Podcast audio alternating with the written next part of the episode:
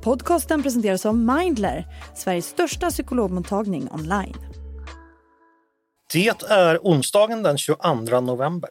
Jag heter Andreas Eriksson och du lyssnar på Ledarredaktionen. En podd från Svenska Dagbladet.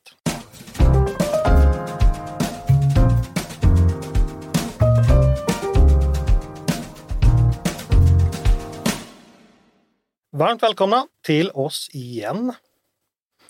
I år beräknas den svenska ekonomin krympa.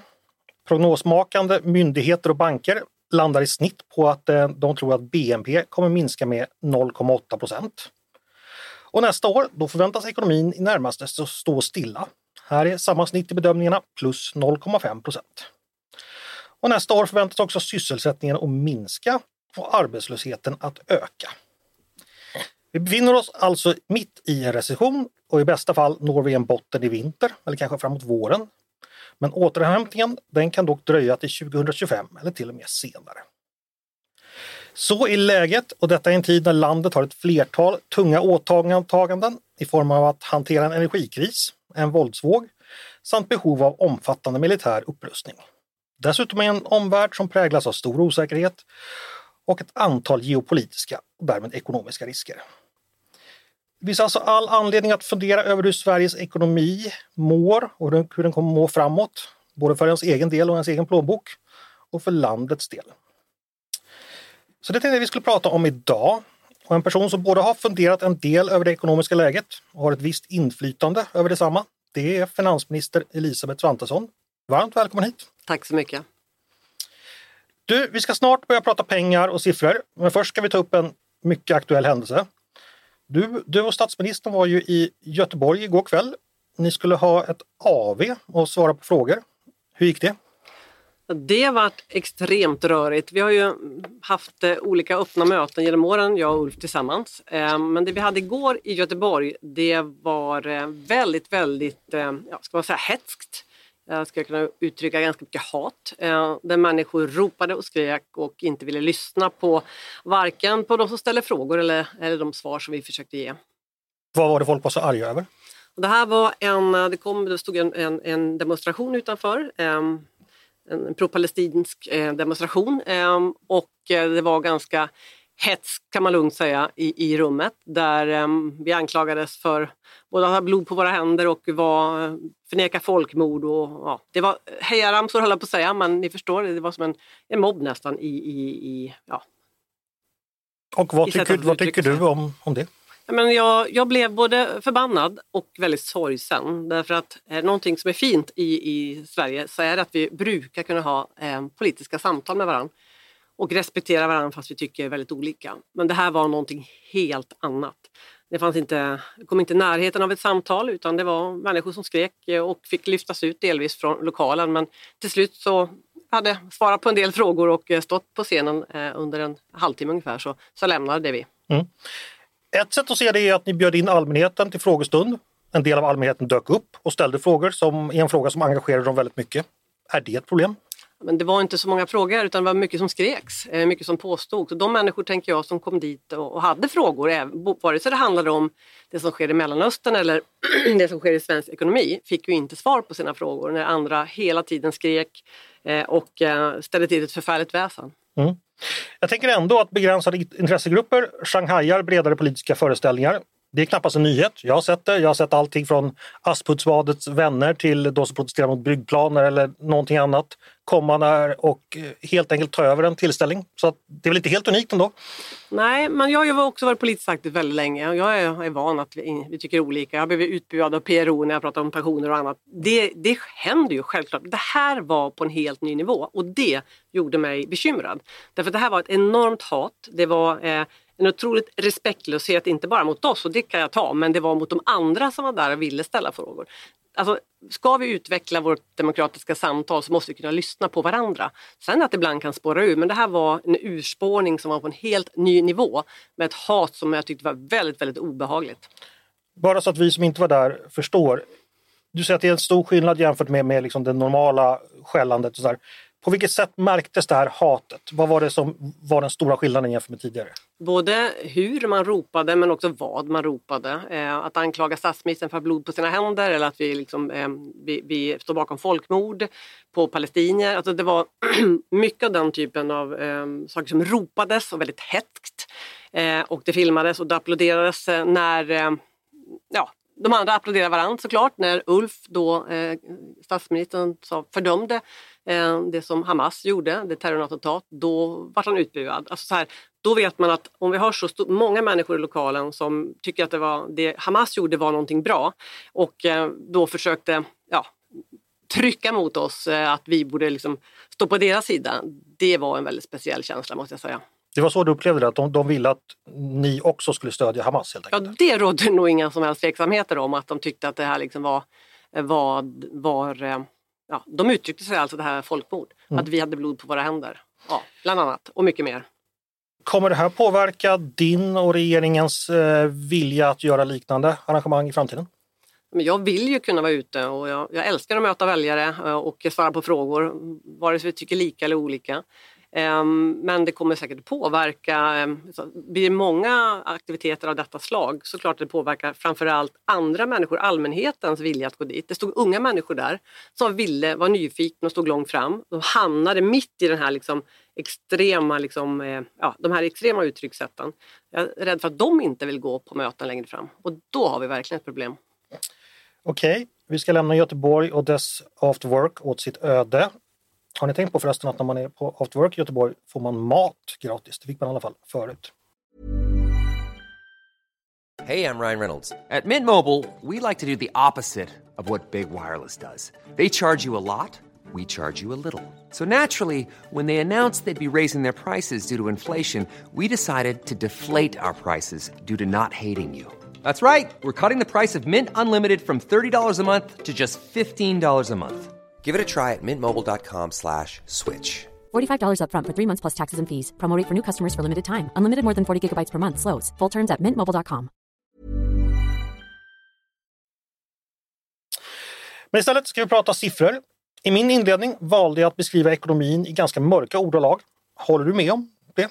Ja, men den beskrivningen är ju helt korrekt. Vi befinner oss i ett exceptionellt läge som vi inte har stött på och mött på flera decennier. Vi har en inflation som nu visserligen är på väg ner men fortfarande är kärninflationen hög och vi är i en lågkonjunktur.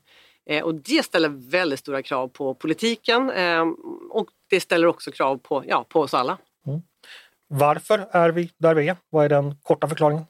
Det finns väl kanske ingen riktigt kort förklaring utan en, en bidragande orsak till inflationen som påbörjades redan under 2021 det är det som hände. Under pandemin fick vi många utbudsstörningar, leveranskedjor som inte funkade. Eh, vi fick få problem med energisystem. Och så det är väldigt mycket utbudsstyrt men också efterfrågestyrt och inflationen då. Ja, bara efterfrågan handlar ju om att ja, penningpolitiken har ju varit expansiv runt om i världen under lång tid. Och då mm. kom det här liksom så kallade perfekta stormen. Så kommer kriget dessutom. Eh, och många sa ju då att det här skulle vara tillfälligt. Eh, jag ifrågasatte det redan då och tänkte att det här kan ta tid innan det kommer ner och det har det ju gjort.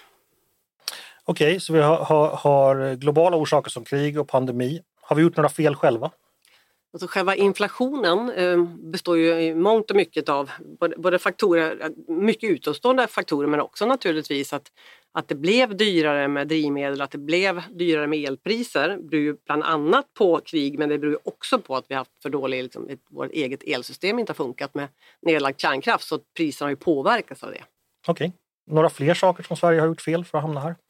Gjort fel. Jag tänker att jag är väldigt fokuserad på att göra rätt framåt och då är jag fokuserad på att trycka ner inflationen för att vi ska komma ur det här så snabbt som möjligt. För att om vi, inflationen stannar kvar på de här nivåerna då kommer räntan fortsätta vara hög, då kommer konjunkturen att bli mm, sämre på grund av det och framförallt drabbas väldigt många människor, många företagare eh, av en hög inflation. Vi ska återkomma till inflationen men jag tänkte först fråga, eh, du vill titta framåt säger du. Vilka är de viktigaste åtgärderna? Vi kan prata bakåt också men ja, jag tänker, ja, men, vem som har gjort vilket fel känns ja. det. Vilka är de viktigaste åtgärderna som regeringen just nu gör åt saken? Ja, men att helt enkelt eh, bekämpa inflation. Ja, ibland har jag fått höra att det där är väldigt passivt. Det är tvärtom. För mig är det ett väldigt aktivt val. Därför att inflation är just nu roten till väldigt många av de ekonomiska problem vi har. Det är det som gör att räntan är hög. Det är det som gör att bostadssektorn liksom har gått ner i källaren.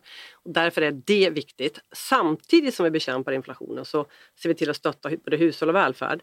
Och självklart det som är så viktigt och det vi gick till val på också, att samtidigt göra Sverige tryggare. Mer pengar till polisen, till rättsväsen och försvar. Och vad är det viktigaste ni då gör för att bekämpa inflationen? Det är helheten av politiken. Alltså, I så kallade normala lågkonjunkturer så brukar finanspolitiken vara väldigt expansiv. Det vill säga att man, man går med stora underskott, medvetet lånar upp mycket pengar för att få igång ekonomin igen. Det vill säga få fart på hjulen. Skulle vi göra det nu i den här lågkonjunkturen då skulle inflationen eh, riskera att bita sig fast på alldeles för höga nivåer. Eh, och det är det svåra nu. Så att eh, se till att finanspolitiken i sin helhet inte ökar efterfrågan på det sätt så att Riksbanken måste höja räntan på grund av att vi skulle föra en expansiv finanspolitik. Mm. Så en konservativ finanspolitik nu och framöver, det ser du som så att säga, det politiska svaret mot inflationen? Ja, det ser nog väldigt många, men det är inte ett politiskt svar bara, det är också ett ekonomiskt och politiskt svar. Mm. Men jag menar det ni politiker kan ja, göra? Ja, absolut. Du, i riksdagsdebatten i samband med, med våpen, vårändringspropositionen eh, 2022, eh, då var du fortfarande oppositionspolitiker och du sa då att en ny regering, citerar jag, kommer att fylla plånboken istället för att tömma den som nu. Har ni fyllt plånboken? Men vi har ju under, eh, sedan vi tillträdde, sen jag har ju lagt fram två budgetar nu, sett till att vi sänker skatten nu nästa år, inkomstskatter. Vi har sänkt drivmedelsskatten i år, vi fortsätter göra det nästa år. Reduktionsplikten kommer att göra att man får mer pengar i plånboken. Ja, så vi tar ju steg mot att mildra den tuffa eh, konjunktursituation och inflationsnivå som vi nu befinner oss i. Tror du väljarna uppfattar att deras plånböcker blivit fyllda av regeringen? Nej, jag tror att väljarna just nu kämpar väldigt mycket med höga bolånekostnader och annat. Men de vet också att vi nu både bekämpar inflationen men stöttar eh, på det sätt vi kan ansvarsfullt utan att priserna ska öka. Det tror jag många har uppfattat. Du, eh, ni har ju börjat lägga budgetar själva, två stycken har ni hunnit med. Eh, jag tänkte på den som ni, ni la i höstas. Då beräknas det att eh, ni ska dra in ungefär eh, 1345 miljarder i, i, skatter i staten. Jag tänkte prata om det här med skatter generellt för att i alla fall mm. tidigare var det en väldigt viktig moderat fråga. Eh, 2022, sista året med en rödgrön regering, så var den så kallade skattekvoten, eller skattetrycket som man ibland säger, 41,8 procent av BNP. Och det första året med en borgerlig regering är skattekvoten 41,6 procent av BNP. Det är alltså 0,2 procents skillnad. Varför märks det inte mer i skatteuttaget att vi har bytt regering från en vänster till en högerregering? Det märks uppenbarligen inte att den budget som vann 2022 som jag la fram tillsammans med Kristdemokraterna och Sverigedemokraterna sänkte skatten 2022 på pension och på inkomst och eh, drivmedel. Eh, och det var ju viktigt att vi gjorde. Så det, den budget som gick igenom det var ju faktiskt vår skattepolitik till vissa delar då, speciellt på inkomstskattesidan. Eh, och därför så började vi sänka skatten redan då och vi sänker skatten nästa år på inkomster och i år eh, drivmedel i år, ursäkta. Eh, så att vi tar ju steg för steg. Eh, Sen är det ju väldigt skönt för mig att veta att den budget jag la fram, den har majoritet i Sveriges riksdag. Socialdemokraterna regerade ju på andras budgetar i, i stor utsträckning, vilket man kan tycka är rätt konstigt i ett land. Om man inte får igenom sin budget kan man ju fundera på om man ska regera. Ja, de var ju uppenbarligen nöjda med den. Men om vi tittar framåt då, om du får några mandatperioder på dig, vad kommer skattekvoten eller skattetrycket i Sverige vara då, om du får bestämma? Men riktningen är ju att den ska komma ner ytterligare. Sen exakt nivå ska man nog vara försiktig att säga för vi vet ingenting om eh, hur ekonomin utvecklas. Det finns stora osäkerheter. Vi pratade om att det, att det kan vända 25. Vi gör bedömningen att det gör det men det kan också vara så att vi får en chock. Kinesisk ekonomi eller tysk ekonomi eller en chock i energisystemet som gör att det, eh, inflationen fortsätter uppåt. Så att jag vill vara försiktig men neråt är riktningen, det kan man veta. Kan du ge mig och, och lyssnarna ett hum ungefär vad neråt innebär? Du behöver inte ange en exakt nivå men i ja, jämna femtal av procent? Nej, jag tänker inte göra det. Men man ska veta att de budgetar jag har lagt, och jag har lagt som sagt var budgetar både i opposition nu och, och nu i, i regeringsställning. Där har vi sänkt skatter. Vi har sänkt skatter som jag sa både på inkomster, på pension, på drivmedel eh, och vi fortsätter med andra delar också eh, framöver. Eh, plastpåseskatt och, och och snus och annat. Nu är väl inte det kanske det som de allra flesta tänker på men skattetrycket har minskat med våra budgetar. Om du får tre mandatperioder på dig och eh, ekonomin går bra under den tiden, eh, kan du då säga att du vill att skattetrycket ska vara 35 procent? Jag tycker att jag, jag, kommer inte att säga en siffra. Utan jag visar det Nu ger det alla förutsättningar ja, jag, vet, jag vet att du gör det, men jag är en person som handlar och jag har i, i de budgetar som jag har haft ansvar för i Sveriges riksdag, både i opposition och nu som finansminister, se till att vi sänker skatten. Och det är jag stolt över eh, och eh, det går att fortsätta göra det. Eh, men man måste också ta en budget i taget och en reform i taget och se hur ekonomin ser ut just där och då. Då konstaterar vi att det inte blir några löften om radikalt sänkta skatter. Det är Eh, löften om skattesänkningar men inte en exakt skattekvotnivå skulle jag vilja sammanfatta det vi just nu sa. det, var, det var inte exakt det jag frågade utan ungefärlig, men det, det kunde jag inte heller få. Men om jag säger så här, nu får du protestera om du vill. Mm. Det är inte skattesänkningar och ekonomisk frihet som Moderaterna ser som sin stora uppgift just nu, utan ordning och reda vad gäller migration och brottslighet. Nu kommer du att svara så att ni ser båda sakerna som viktiga, men jag skulle ändå säga, gör en total vantolkning då när jag säger att Moderaterna den här gången prioriterar andra saker än ekonomisk frihet. Som jag sa, så bara för att det, poängtera det, jag sänker skatten och fortsätter att göra det. Eh, sen är det självklart så att i det läge vi befinner oss i, som jag ser som ett nödläge, när barn skjuter barn, när barn till och med hittas en skogsdunge, en 13-årig pojke, för att han dödad för att han inte vill vara med i gängkriminaliteten. När man, eh, ja, vi har så många, otroligt många stora problem. Självklart måste vi få ordning på det samtidigt som vi bygger upp försvaret i en väldigt orolig tid. Men det är ju som det började, du, du visste vad jag skulle svara, att ekonom, ekonomisk politik är ju fortsatt väldigt viktigt för oss. Och speciellt tänker jag att också ha den långa sikten. Ska försvaret vara starkt och välfärden starkt och rättsväsendet starkt om 10, 20, 15 år? Ska vi vara rikare som land och människor så måste ju ekonomin växa.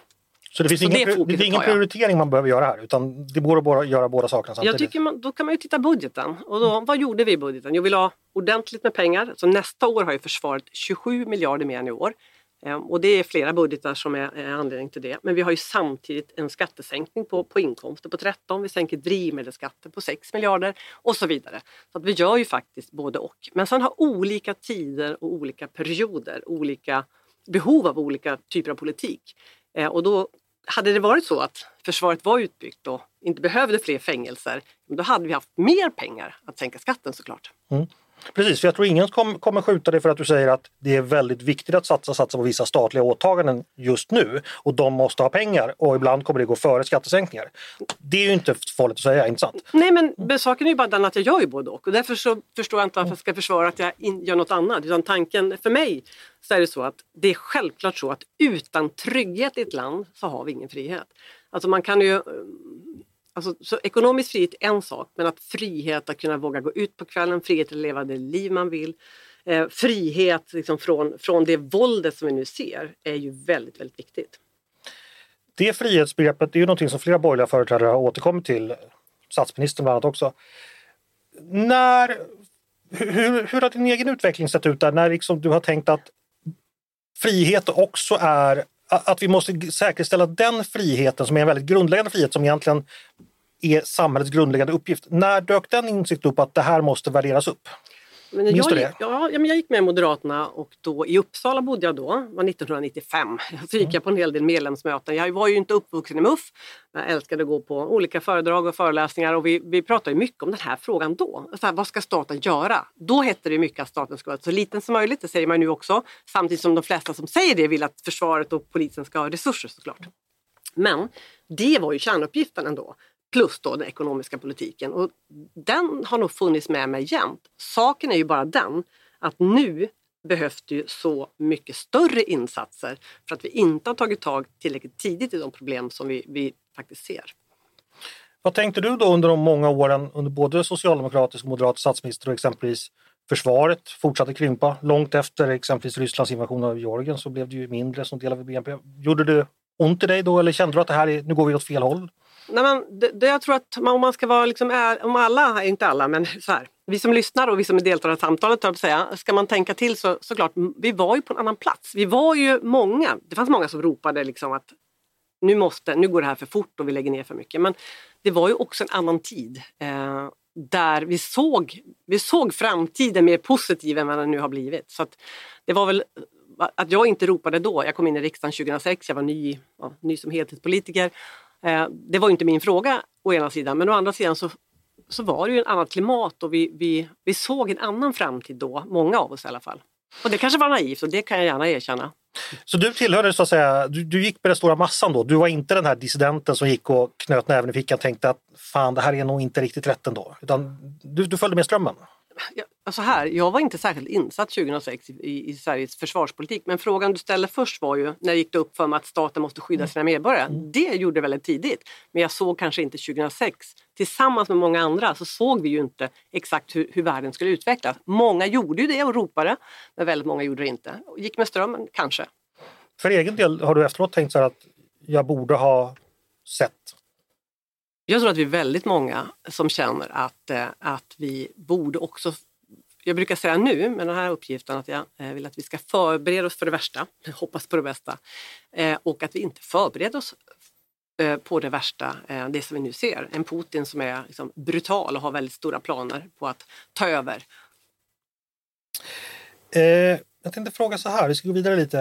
Eh, du gick in i Finansdepartementet för ungefär ett år sedan. Eh, du har varit minister tidigare men nu var det ett nytt eh, departement. Eh, vad Har det någonting överraskat dig sedan du blev finansminister och började leda departementet som du inte visste eller anade innan?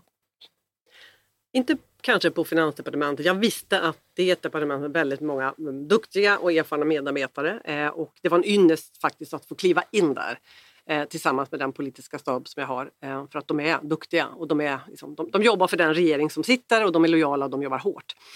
Det som överraskade mig kanske mer på ett personligt plan var väl att jag såg verkligen inte fram emot att leda Ekofin, det vill säga alla ministermöten under våren. För jag var så ny som finansminister i Sverige, tyckte att jag inte riktigt hade den tiden.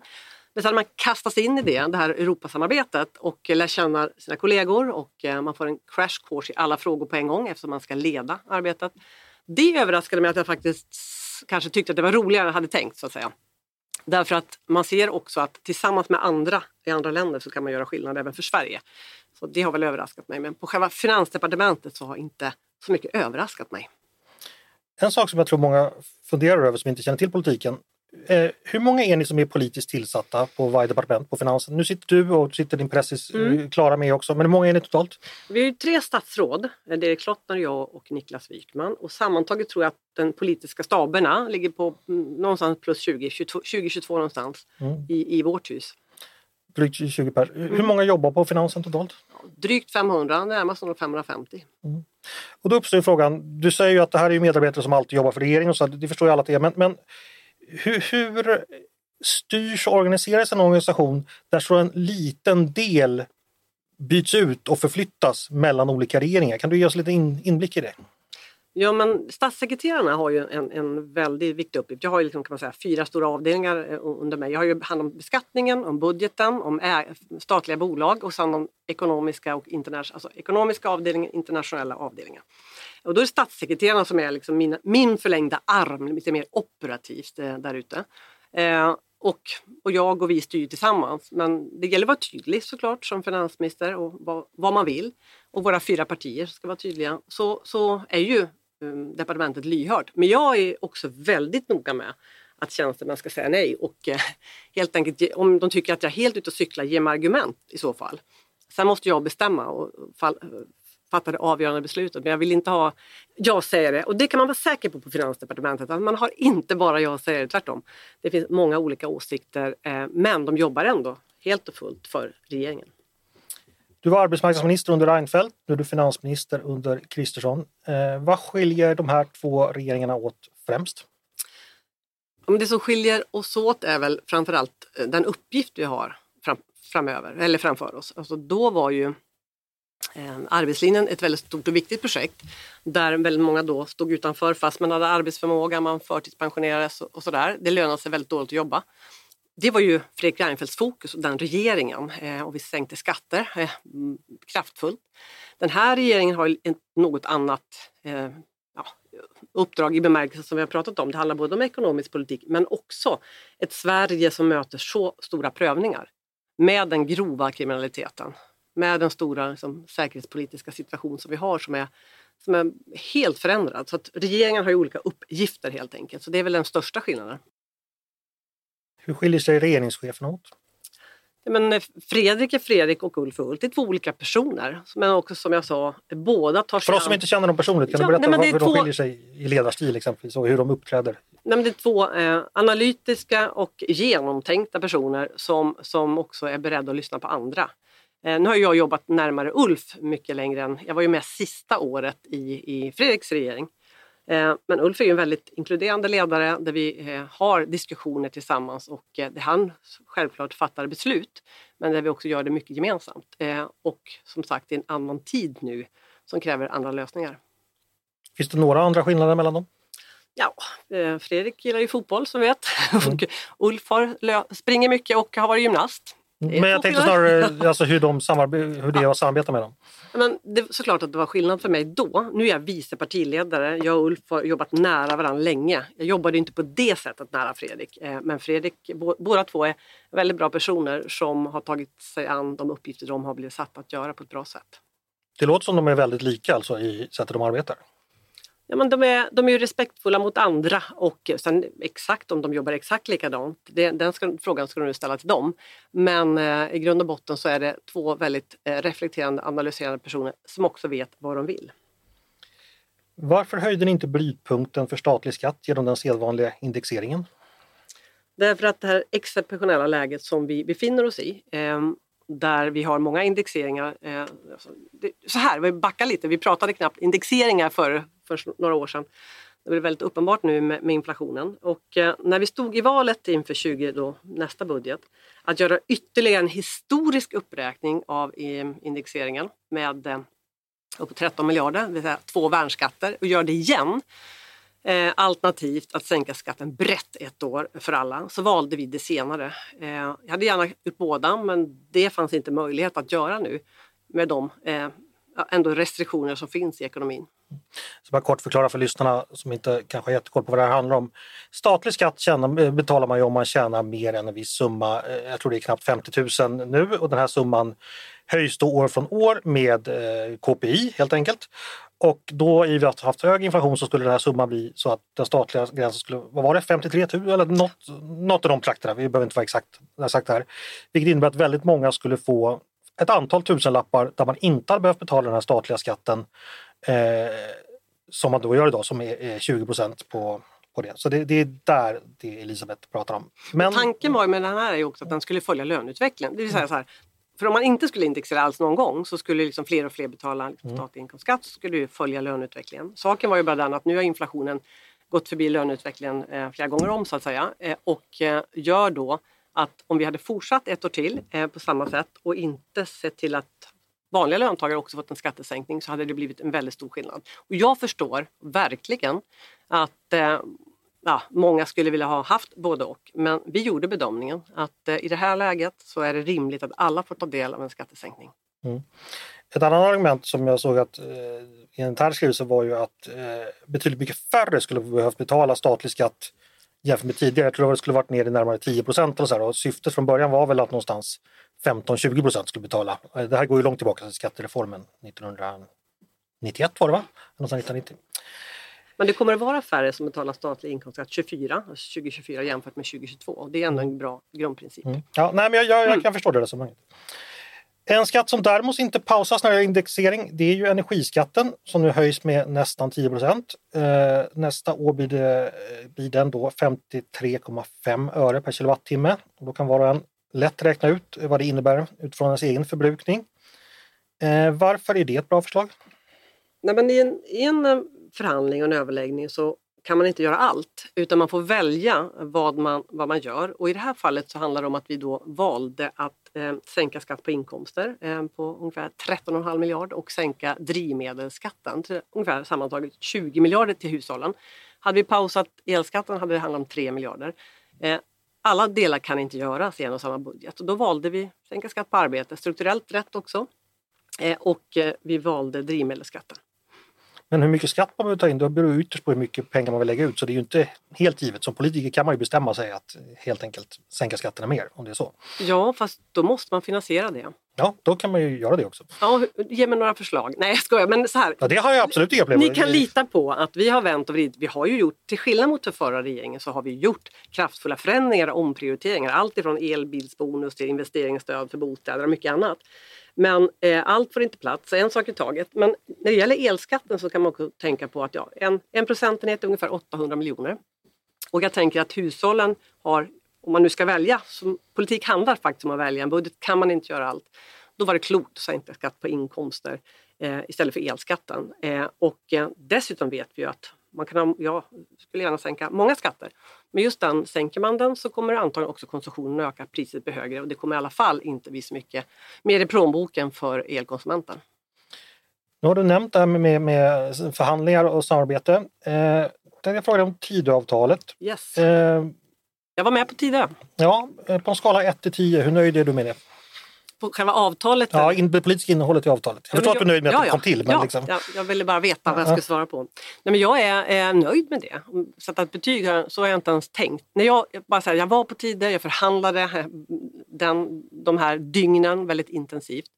Eh, och det är självklart att det märks, det är fyra partier. Eh, och på det sättet är jag ändå nöjd att jag kan stå bakom det här avtalet och känna att så på det sättet är jag nöjd. Hade Moderaterna haft 51 procent då hade politiken sett annorlunda ut. Men, men jag är ändå nöjd med att vi fyra tar tag i migrationsutmaningar, energisystem, eh, rättspolitiken till exempel och den ekonomiska politiken. I mina öron så låter det som 7 av 10 ungefär. Ja, men 7-8 kanske då. Du, vad är du mest missnöjd med i Tidöavtalet? Men jag är inte, ska jag säga, jag är inte så att jag känner mig eh, missnöjd. Jag, du, du, du kanske inte tror mig nu, men jag tänker väldigt mycket fram och jag tänker det här är vi överens om, det här ska vi genomföra. Och hela mitt fokus och beslutsamhet ligger i att vända en utveckling som jag tycker är bekymmersam. Och det tror jag tillsammans att vi kan göra, våra fyra partier. Eh, så därför så känner jag mig inte missnöjd över något. Eh, och jag tänker inte, man ska inte jag vill inte outa förhandlingar, det är inte liksom min grej. Utan jag eh, jobbar tillsammans med andra för att göra saker bättre och eh, man kommer överens. Ibland är man nöjd och ibland är man mindre nöjd men i grund och botten så är jag nöjd med att vi har fått ihop det. Nu ska jag påminna dig om Tidöavtalet sidan 3, femte stycket, andra meningen. Det lyder så här. Eventuell offentlig diskussion utifrån meningsskiljaktigheter i sakfrågor mellan samarbetspartierna ska emellertid bejakas som en naturlig del av den öppna demokratiska samhällsdebatten i ett fritt samhälle. Så du, har ju helt, du är ju uppmuntrad här att lyfta fram saker Okej. där du ligger en bit från de andra partierna. Ja, då kan du få en. Mm. A-kassan. A-kassan. Det är ju ingen hemlighet. Jag tyckte att det var dåligt att höja den så mycket som Sverigedemokraterna ville. Det var en röd linje för dem. Eh, Jag tycker att det var liksom, eh, vi gjorde en ganska stor höjning av den. Det tror jag strukturellt var dåligt. Sen har ju inflationen också såklart påverkat många arbetslösa men, men det hade ju inte skett om vi hade varit ensamma. SD kräver att du sitter i regeringen efter nästa val, i alla fall om man ska tro vad de säger just nu. Är du okej med det? Jag tänker väldigt lite just nu på valresultatet 26. Det jag tänker på att vi själva som moderater ska växa naturligtvis ja, i förtroende men att andra partier också ska göra det på vår sida. Eh, och eh, vi återkommer eh, betydligt närmare eh, det datumet med besked om eventuella regeringskonstellationer. Framförallt återkommer vi efter valdagen 2026. Jag tror att ganska många väljare tänker på det här och jag tror att väldigt många i andra partier tänker på det här också. Eh, bara för att du inte bryr dig om det skulle du ändå kunna ge besked, de, besked på något sätt. Men att inte bry mig om det, det, det var inte det jag sa. Utan jag säger, det jag verkligen fokuserar på är ju att genomföra den politik som vi nu... Jo, men det förstår jag, Men det, och det var bara ett år sedan vårt det här liksom, Tidösamarbetet började på allvar. Och det är nästan tre år till nästa val. Och det finns säkert eh, många väljare som bryr sig om det nu. Men vi kommer inte ge besked om det nu. Utan det, nu jobbar vi på och sen så återkommer vi ju efter, innan eller efter valdagen 2026 med hur vi tänker kring regeringskonstellationer. Ska vi bara göra en minnesanteckning. Eh, min fråga var alltså SD kräver att få sitta i regeringen efter nästa val. Är du okej med det? Ditt svar är alltså det återkommer vi med före eller efter valdagen 2026. Förstod jag det rätt då? Men alltså, det är tre år nästan till valdagen. Oavsett om jag är okej eller inte just nu så är det ganska Ja, det- relevant tänker jag. Utan det, det får ju vara relevant då, helt enkelt. Du, enligt Tillväxtverket uppgår företagets regelkostnader till 377 miljarder per år. Eh, det kan knappast sänkas noll för regler måste man ha. Så, men eh, här finns ju en del färdiga förslag till regelförenklingar. Eh, när kommer de eller kommer de eller vad ser du framför dig där? Jag ser att eh, Ebba Busch som är ansvarig för, för, eh, på näringsdepartementet för de här frågorna jobbar på eh, med, med just detta. Eh, och, eh, som du säger, regler måste finnas men regelbördan har vuxit väldigt, väldigt mycket. Och eh, det blir också en administrativ kostnad av de här regelbördorna. Ibland handlar det om att det försenar processer, ibland handlar det om att det blir dyrt. Eh, och eh, därför så vet jag att eh, Ebba Busch jobbar på eh, i, i, i, så snabb takt som det bara går. Och så får hon också återkomma med exakt vilken ordning saker görs. Men självklart finns det mer att göra här. Jag tänkte vi skulle prata lite svensk ekonomisk historia. Eh, Eh, hur, lång, hur, långt bak ska vi gå? Eh, ja, jag tänkte börja faktiskt och mm. bestämma det. Mm. Eh, nu nu inte, har inte jag lissat men jag har eh, snappat upp ett och annat genom åren. Då säger jag så här att Sverige blev en gång rik genom eh, tillgång till naturtillgångar, näringsfrihet, ingenjörsbragder, bra entreprenörskap på 1800-talet. Vi fortsatte vara rika, vi förvaltade det här, vi var en öppen ekonomi, vi hade en bra skött arbetskraftsinvandring, vi hade starka och kunniga ägare i vår industri. Vi hade hygglig politisk samsyn och, och inte alltför sto, stora, stora, stora strider. Eh, I slutet av 1900-talet så, så såg det lite trögt ut. Då, då, tog vi den svenska ekonomin ännu ett steg genom liberaliseringar och reformer. Eh, nu har 80, ytterligare 30 år gått sedan dess och det börjar se lite knackigt ut igen. Eh, vad ser du som nästa stora steg för att se till att även våra barn och barnbarn kommer att ha det lika bra som vi? Tack för frågan. Ja, tycker att den är otroligt relevant och jag har tänkt på den mycket under de senaste åren. Eh, det handlar ju om att få svensk ekonomi att bli ännu mer produktiv. Alltså tillväxt kommer ju av två saker, arbetade timmar ökade eller förbättrad produktivitet. Och det är där, på det senare, som vi har möjligheten att förbättra eh, och öka tillväxten. Och därför jag tillsatte en, en produktivitetskommission. Det gjorde jag inte för att jag inte vill ägna mig åt frågorna på dagarna själv utan för att några personer, experter, ska fördjupa sig, verkligen gå in både i privat och offentlig sektor och se hur kan vår svenska, eh, svenska ekonomin bli mer produktiv. Så det, det ser jag fram emot konkreta förslag. Men det handlar ju om just produktivitet. Det handlar om skattesystem, utbildningssystem, infrastruktur och energisystem. Bland annat. Eh, och för att vi då ska öka produktiviteten så måste det här fungera. Så det, jag tänker mycket på hur Sverige ska bli rikare om, om 20-30 år. Eh, och, då är det och det genom en produktivitetskommitté? Nej, det är precis som jag sa. De måste också jobba och komma med förslag. Ibland behöver man människor som är lite utanför, djupar sig, fördjupar sig och ser vad, vilka insatser skulle mest skillnad för att öka produktiviteten. Sen vet ju jag att eh, till exempel ett förbättrat entreprenörskap är viktigt därför vi nu förbättrar och ser över 3.12-reglerna. Eh, och eh, det är därför vi nu eh, förlänger expertskatterna ett år så att man, ja, högkompetent personal kan finnas i Sverige. Därför som vi i år också höjt forskning och eh, FoU-avdraget. Så det finns många delar man behöver göra. Men eh, ett steg i taget och sen den här helheten ser jag ändå fram emot att eh, ta del av. Jag tänker i slutet på 1900-talet, då, då, eh, man gjorde många saker då. En sak var att man lät Assa Lindbeck göra en ganska stor och genomgripande utredning. Eh, fortfarande omtalad, många av de reformerna genomfördes. Är det något sånt helhetsgrepp man skulle kunna tänka sig att ta? Ja, men det är precis det som jag gör med produktivitetskommissionen. Det är ju ett väldigt stort grepp. Det är alltså inte bara en person som jobbar med detta utan eh, ganska många och har också experter knutna till gruppen. Så ja, det är ju liksom en, en liknande eh, ingång. Nu såg ju ekonomin annorlunda ut när Assar skrev sin rapport och nu har vi andra utmaningar men jag är helt övertygad om att Sverige kan bli mer konkurrenskraftigt, ha högre tillväxt, ha liksom, vara ännu mer eh, investeringsvänligt än vad det var för både 30 och 40 år sedan. Eh, och det är faktiskt en hel del av det som vi också tänker på rätt så mycket på Finansdepartementet nu. Mm.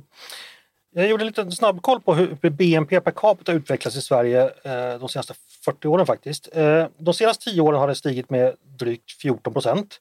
Men snittet under de tre decennierna som föregick det senaste decenniet var drygt 19 procent. Nu behöver vi inte hänga upp på exakta, e- e- exakta tal, men, men Sverige har under det senaste decenniet har det inte gått riktigt lika bra som det har gjort tidigare. Eh, har du också iakttagit detta? Definitivt och det är just därför som jag, som, som jag sätter fokus på frågan. Sen är inte Sverige ensamt ska man komma ihåg i detta dessvärre. Eh, utan det är många länder som har, där liksom det, här, det har sackat efter helt enkelt, en, helt, en lägre tillväxttakt. Eh, men jag är övertygad om att det går att öka den här takten och förbättra ekonomins funktionssätt. Eh, sen ska det klart finnas en bredd och en bred vilja i Sveriges riksdag att göra det. Men, men vi behöver ju sätta fokus på till exempel utbildningssystemet eh, för att vi ska höja nivån. Eh, fler måste bli duktiga på matte. Vi måste ha fler ingenjörer. Ja, det är bara några av alla saker som vi behöver göra, men vi tar den frågan på allvar. Och den här regeringen tar ju verkligen till exempel då frågan om högre utbildning på allvar. Mm, okay. så, så, bättre utbildning från början till slut låter som, alltså från förskola till doktorand? Definitivt. Hur är det med eh, infrastrukturinvesteringar? Behövs det nyinvesteringar där och i så fall vilka? Ja men absolut och de, det pågår ju hela tiden. Vi har ju, mm, ja, nu läggs en ny infrastrukturproposition nästa år. Eh, men det pågår ju nya investeringar hela tiden. Då ska man göra det som är samhällsekonomiskt lönsamt. Det som ökar just produktiviteten och förbättrar liksom, till exempel möjligheter att pendla. Eh, så det är ju en jätteviktig del. Jag har också haft samtal med en del av eh, ja, de större industri, ja, inte bara bolagen, men, men, personer, till exempel Jacob Wallenberg och eh, ganska många andra, eh, bjudit in dem för en diskussion om hur kan vi tillsammans liksom, göra Sverige bättre och rikare. Och vi kommer att fördjupa till exempel just kan det finnas eh, privat kapital som också kan göra nytta när det gäller eh, infrastrukturinvesteringar. Men också kompetensförsörjningsfrågor är någonting som de lyfter väldigt mycket. Avreglering av hyresmarknaden för att bättre utnyttja bostadsbeståndet? Absolut, det är någonting som jag tycker är en god idé. Blir vi, kommer vi få se några reformer åt det hållet? Eh, ja, om det finns en majoritet för detta. Det är en diskussion som vi har just nu. Men det är ju en viktig del för att få eh, en bättre och mer välfungerande bostadsmarknad. Reformer på arbetsmarknaden i form av exempelvis eh, avreglering där också? Jag tänker exempelvis på, på, på LAS och sånt. Men nu kommer ju den med parternas avtal. Den här stora omställningsförhandlingen som de har haft där man både förändrar LAS men också ser till att människor som arbetar och är fast förankrade kan, kan eh, studera mitt i livet för att också öka sin kompetens. Så det är ju faktiskt eh, det, är det som man nu har kommit överens om. Så vi ser ju nu en, en förändring av just det. Mm. De här stora 90-talsreformerna eh, nämnde de kort innan, men jag tänker bland annat på, på Riksbankens ställning, budgetreglerna och sånt där. Ja, du vet, hela det där. Ska vi behålla det som det är? Ja, absolut. Alltså de institutioner som vi i bred samsyn kom fram till och överens om på 90-talet har ju tjänat Sverige väldigt väl. Sen ser vi över nu till exempel, vi ska se över ramverket igen. Det görs ju var åttonde år nu tillsammans, alltså överskottsmålet. Eh, men det är ju väldigt viktigt att göra det i bred samsyn och också med stor förutsägbarhet. Men eh, ja, de är, de är viktiga de institutionerna och ska fortsätta vara det. Eh, vi hade redaktionsmöte för några dagar sedan. Jag ska berätta en sak som en kollega till mig sa då. Att regeringen tror att den kommer bli återvald på lag och ordning. Men det kommer det inte bli. Det kommer att bli det på, genom att ha gjort Sverige till ett mer borgerligt och därmed bättre land. Delar du den analysen? Jag tänker att det ena utesluter inte det andra. Jag tror ju faktiskt att eh, man vill ju oftast inte... Ja, okej, det räcker ja. inte bara med lag och ordning, det Nej, behövs men, någonting mer. Min poäng är att det är rätt borgerlig politik, lag och ordning. Men min poäng är också denna att, att eh, man blir sällan vald på vad man har gjort men utan vad man vill göra på nationell nivå. Men min fulla och vår beslutsamhet är att, att vända utvecklingen när det gäller otrygghet. Att se till att vi påbörjar nu en resa med, med kärnkraft så att energisystemen kan fungera i framtiden. Eh, att ekonomin vänder och att vi tar ansvar att inflationen kommer ner och att människor känner att eh, vi gör allt vad vi kan för att ta oss igenom en, en svår tid. Eh, då är ju frågan den där eh, september 2026 Ska vi fortsätta med det här eller vill vi ha Magdalena Andersson som statsminister och Nooshi Dadgostar som finansminister? Det är de där valen man kommer att ha. Mm. Och sen är det då borgerlig politik det vi gör. Men jag vet inte om alla går och tänker. Många tänker på att man vill ha mer borgerlig politik men många tänker också jag vill ha ett säkrare och rikare Sverige. Du, vi ska snart eh, se ihop det här. Jag har bara några avslutande frågor just kring lag och ordning. Mm. Eh, den organiserade brottslighetens inflytande över ekonomin har diskuterats. Vad vet vi om den? Alltså, hur mycket brottsvinster och svarta pengar är det som liksom går in i normal ekonomi? Ja, vi vet ganska mycket. Alltså, vi vet ganska mycket i bemärkelsen att det är väldigt mycket pengar det handlar om. Eh, polisen har ju uppskattat till exempel att omsättningen av den och i den kriminella ekonomin är uppåt 100-150 miljarder varje år.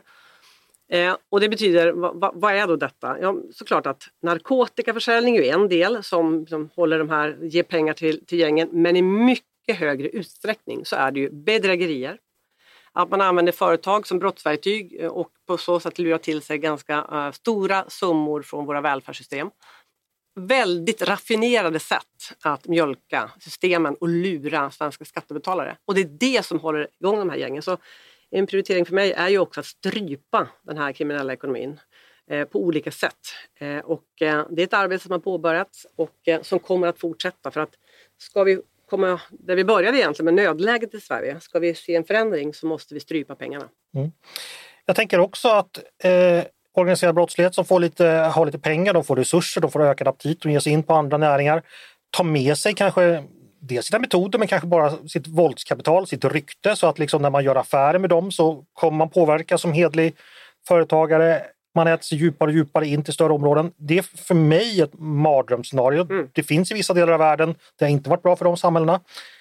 Hur, hur långt är det gånget där i Sverige? Vet vi någonting om det? Alltså jag kan bara, nu ska jag inte utelämna min släkt, men bara för tio, drygt tio år sedan hade jag en släkting som gick med skyddsväst för personen blev hotad. Eh, Just i restaurangbranschen i en, en, en Ja, den är ju ökänd exempelvis. Den är ökänd. Ja. Men så det här har ju funnits ett tag men nu är det ännu mer raffinerat.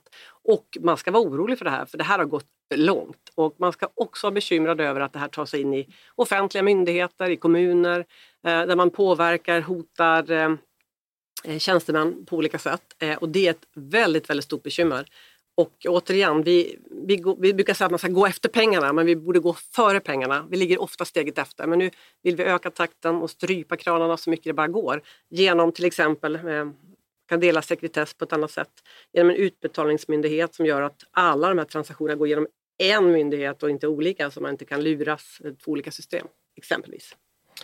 En sista fråga. Gör Sverige och EU, EU tillräckligt för att hjälpa Ukraina?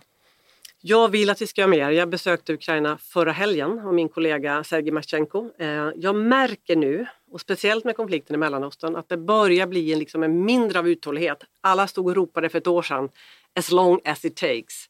Eh, Nu känner jag att det där börjar svalna och det oroar mig därför att man måste förstå att eh, de slåss inte bara för sin egen frihet utan för vår.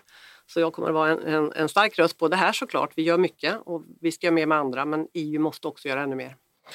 Om det amerikanska stödet avtar i januari 2025 på grund av ändrade politiska förutsättningar, är EU beredd att ta hela ansvaret då, tror du? Jag vågar inte svara på det men jag kan ändå säga att vi i Sverige måste då fortsätta ta ett eh, stort ansvar, både själva men också tillsammans med andra. Och kan inte hela EU ena sig, ja men då får våra länder i EU som står fast i detta göra det tillsammans. Stort tack för att du kom hit idag, Elisabeth Svantesson, finansminister. Tack! Och tack också till er som har lyssnat. Jag hoppas ni tyckte dagens samtal var intressant.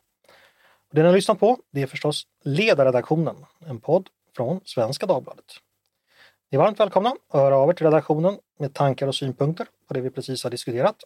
Kanske ha tips till Elisabeth på vilka skatter hon ska sänka. Men också om ni har idéer och förslag på saker vi borde ta upp i framtiden. Då är det bara att mejla till ledarsidan snabla svd.se. Dagens producent, han heter Jesper Sandström.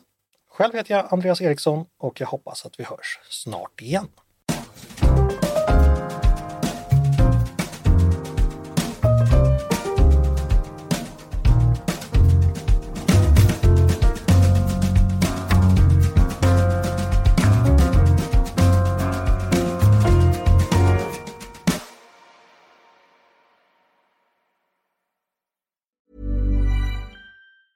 Get ahead of postage rate increases this year with Stamps.com. It's like your own personal post office. Sign up with promo code PROGRAM for a four week trial plus free postage and a free digital scale. No long term commitments or contracts. That's Stamps.com code PROGRAM.